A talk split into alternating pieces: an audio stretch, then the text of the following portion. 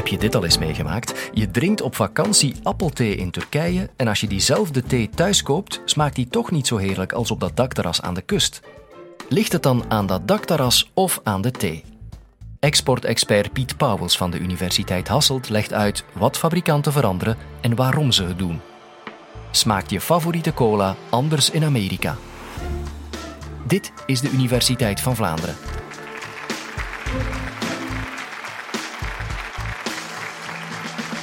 Smaakt een blikje cola anders in Amerika? Nee. Nee, een blikje cola smaakt in België hetzelfde dan in Amerika. Is het een ander blikje? Ja. Een blikje cola in de Verenigde Staten is iets anders dan wat ik hier in mijn hand heb. Blikje cola, een rood blikje cola, dat kennen we. Dat kent heel de wereld. En toch, er zijn minstens 16 verschillende soorten blikjes cola. Dit rood is in China net iets dieper, net iets glanzender. Dit rood is in een heel ander land weer bijna oranje. Dit rood is in verschillende landen zo rood. De vorm van het blikje is in sommige landen net iets anders. Wat erin zit, is ook iets anders. Wat toch ten dele. Want het zoetgehalte van dit blikje cola in de Verenigde Staten, in China, in Zuid-Amerika, dat scheelt wel wat. In sommige landen is dit blikje cola zoeter. Het water waarmee de siroop tot cola geworden is, is anders. Want blikjes cola worden lokaal in verschillende markten gebotteld. Het water komt van een lokale bron. Het water is anders. Dit blikje cola, een blikje cola, waar ter wereld, is anders. Minstens 16 verschillende soorten blikjes cola. Maar ik, als consument, vind dat allemaal dezelfde blikjes cola. Ten eerste omdat de verschillen die ik daarnet heb opgesomd nogal subtiel zijn. En het gebeurt mij niet vaak dat ik een blikje cola uit België vast heb en een uit Atlanta. Wanneer gebeurt het? Misschien als ik in Zaventem op een vliegtuig stap en met wat geluk acht uur later, zeven uur later in Atlanta uitstap en daar op de luchthaven onmiddellijk een blikje cola koop. En als het al zou mogen, die twee blikjes vergelijk, dan zou ik misschien beginnen voelen van, ah, dat is toch wel wat anders. Maar wij als consumenten vinden dat niet zo interessant. Ja. Wij drinken die cola daar. De Amerikaan drinkt zijn cola, de Belg drinkt zijn cola of haar cola. En eigenlijk is dat dezelfde beleving, waar ook ter wereld. En dat is de bedoeling. Dezelfde beleving, hetzelfde ervaren, maar toch een heel ander product. Bedrijven passen producten aan aan markten, landen, culturen, regio's. Dat doen ze meer dan u denkt. Waarom zouden ze dat eigenlijk doen? Wat ten eerste misschien nogal evident. Stel u voor, ik ga u vragen. Wasproducten. Wasproducten, detergenten. Heel evident. Waarom worden die aangepast? Waarom zou een producent een wasproduct, waspoeder, aanpassen land per land? Wie weet het? Enig idee. Denk niet te ver. Samenstelling van het water? De samenstelling van het water. 9 op 10. De waterhardheid is erg verschillend land per land. En waterhardheid beïnvloedt het schuimend vermogen van detergent. Stel dat dat detergent, dat dat waspoeier verkeerd is samengesteld, dan krijg je in sommige gevallen met evenveel gebruik van waspoeder een ongelooflijke schuimmassa. En in andere gevallen denkt moeder of man des huizes van hier gebeurt niks, want ik zie geen schuim. En daarom, gegeven de waterhardheid, moet het product wel eens aangepast worden. Maar dat is vrij evident. Ik ga het nog makkelijker maken. Waarom worden in verschillende landen kleine, eenvoudige elektrische apparaten aangepast? Omdat het voltage verschilt. Het voltage verschilt land per land. Dat is heel eenvoudig, dat is evident. We maken het moeilijker. Belgische pralines. U koopt ze wel eens, u krijgt ze hopelijk nog meer. Wij kopen die of wij krijgen die in doosjes van 250 gram, 500 gram. Sommigen halen de koelkast niet, ze zijn al op voordat ze in de koelkast staan. Maar dat is onze typische doosje Belgische pralines. Japanners kopen ook pralines. Ze krijgen ze ook liever, maar dat is, daarin zijn we niet anders. Ze kopen ze per stuk. Zij kopen een praline per stuk. Dat is exact dezelfde praline die wij kennen, al dan niet met alcohol. Zij kopen die per stuk. Mooi verpakt. Zij krijgen die ook per stuk als een cadeautje. Zij zetten die in de kast, in de woonkamer. Die staat daar x weken tot men die weggooit. Meer dan de helft van de gekochte pralines in Japan worden niet gegeten. Die worden gegeven. Dat is exact dezelfde praline. Maar wij, vanuit een marketingperspectief, vinden dat een heel ander product.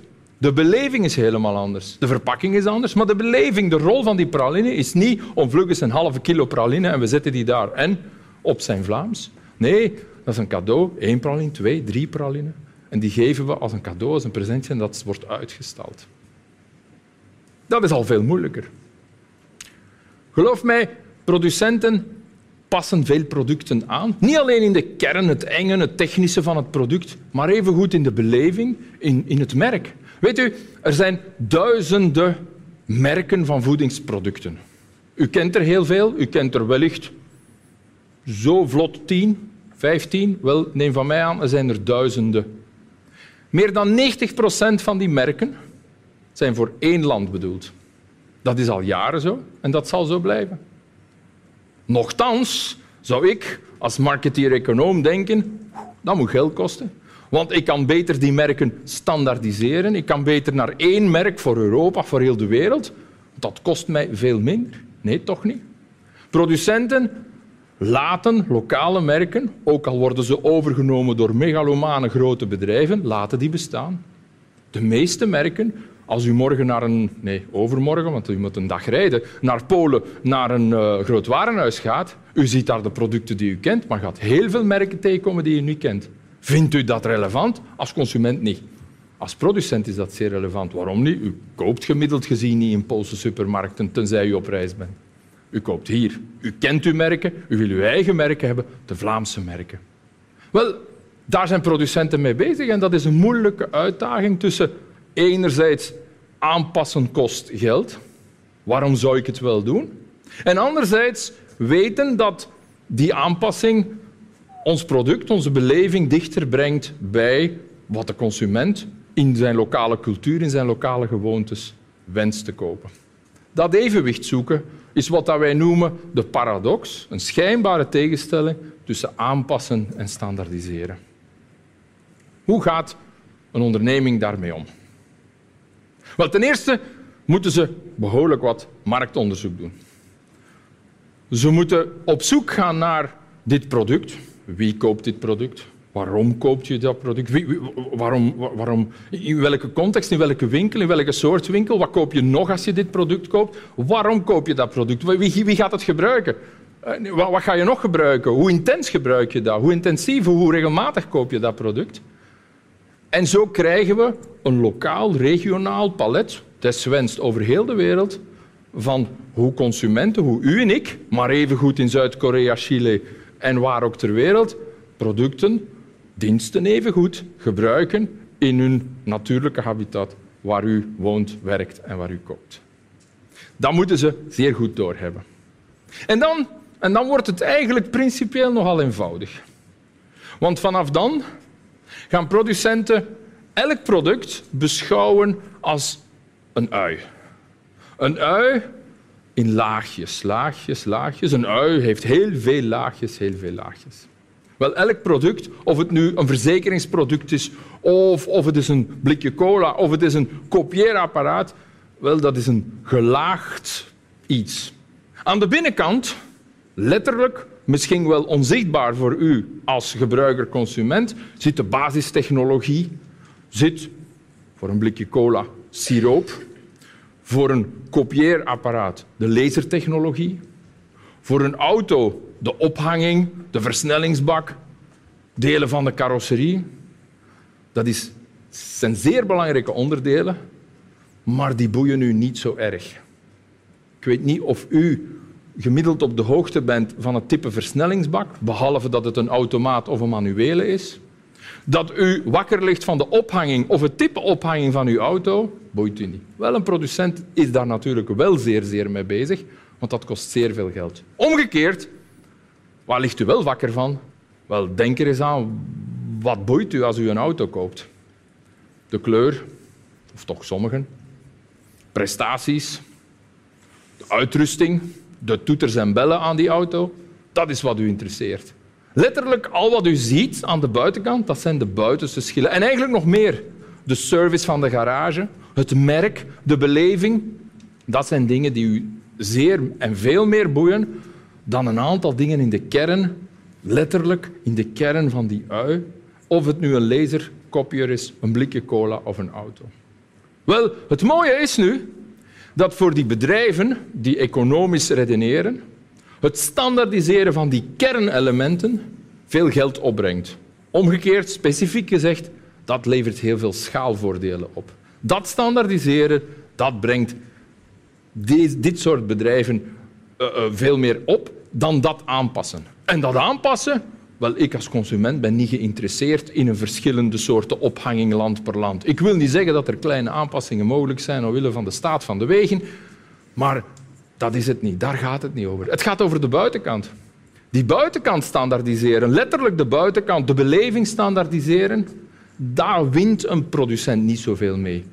De relatieve meerkost om tien merken in de lucht te houden voor hetzelfde product in tien verschillende landen is relatief klein dan dat allemaal onder één merk te doen. Als u wil adverteren in Duitsland, Oostenrijk, uh, België, Nederland, u moet toch nog altijd de lokale media betalen. Of dat u dat nu met één merk doet of meer merken, u moet het toch allemaal nog vertalen in de verschillende talen, zelfs tussen de Zwitsers en de Duitsers. Daar gaan we aanpassen. Dus wat gaan we doen? We gaan in de opbouw en internationalisering van een product als producent van binnen naar buiten denken. De ui van binnen naar buiten opbouwen. En eerst de, binnen de, lagen, de binnenste lagen zoveel mogelijk standaardiseren. De auto waar u mee rijdt en waar uw buurman mee rijdt, zou wel eens voor 80% dezelfde kunnen zijn. Aan de kern, in de kern. Kopieermachines, wel de lasertechnologie in het midden van een kopieermachine. Eén of twee fabrieken in de wereld maken dat. Standaard, volledig standaard. Maar er zijn tig merken van kopieermachines, afwerkingen, servicecontracten. In de kern van een product, of het nu een blikje cola is, een verzekeringscontract, een pizza. In de kern van dat product gaan we standaardiseren. Daar gaan de bedrijven schaalvoordelen mee halen, kostenbesparingen, en die gaan ze proberen terug te investeren in het aanpassen aan die buitenste lagen. In die mate zelfs dat grote producenten van kopieerapparaten er vandaag in slagen om in de installatie van kopieerapparaten voor bedrijven ervan uit te gaan dat de dienstverlening door iemand in het lokale dialect gebeurt. Dat zij er geen moeite mee zouden hebben indien wij vragen de buttons op een kopieerapparaat, doe die in het dialect. Geen enkel probleem. Zolang maar dat die kern, of het nu siroop is, of het nu de ophanging is van een auto, als die kern maar standaard is, daar kan men schaalvoordelen mee halen die men herinvesteert aan de buitenkant van de schil. Aan de beleving, om die beleving zo uniek mogelijk te maken. Het merk, beleving, kleuren. Kleurenpaletten van auto's verschillen om die reden nogal eens makkelijk van land tot land. Is dat een kost? Behoorlijk beperkt als meerkost, maar wel zeer geapprecieerd. En zo denken we product van binnen naar buiten. Maar u kijkt van buiten naar binnen naar een product. Die buitenste schillen die boeien u meest. Is dit blikje cola, smaakt dit blikje cola nu anders in Amerika? Nee, de beleving is dezelfde. Alleen hoe is die beleving tot stand gekomen? Op een andere manier. Van binnen naar buiten, siroop, heel standaard, maar dan naar buiten toe aanpassingen gedaan om tot diezelfde beleving te komen. Standaardisatie, veel minder dan u denkt, alleen in de kern. De buitenste schillen passen we heel erg aan, land per land, cultuur per cultuur. Wil je meer colleges horen? Al de Universiteit van Vlaanderen colleges zijn gratis te beluisteren dankzij onze partners. De vijf Vlaamse universiteiten, de Jonge Academie, KNAK en Radio 1.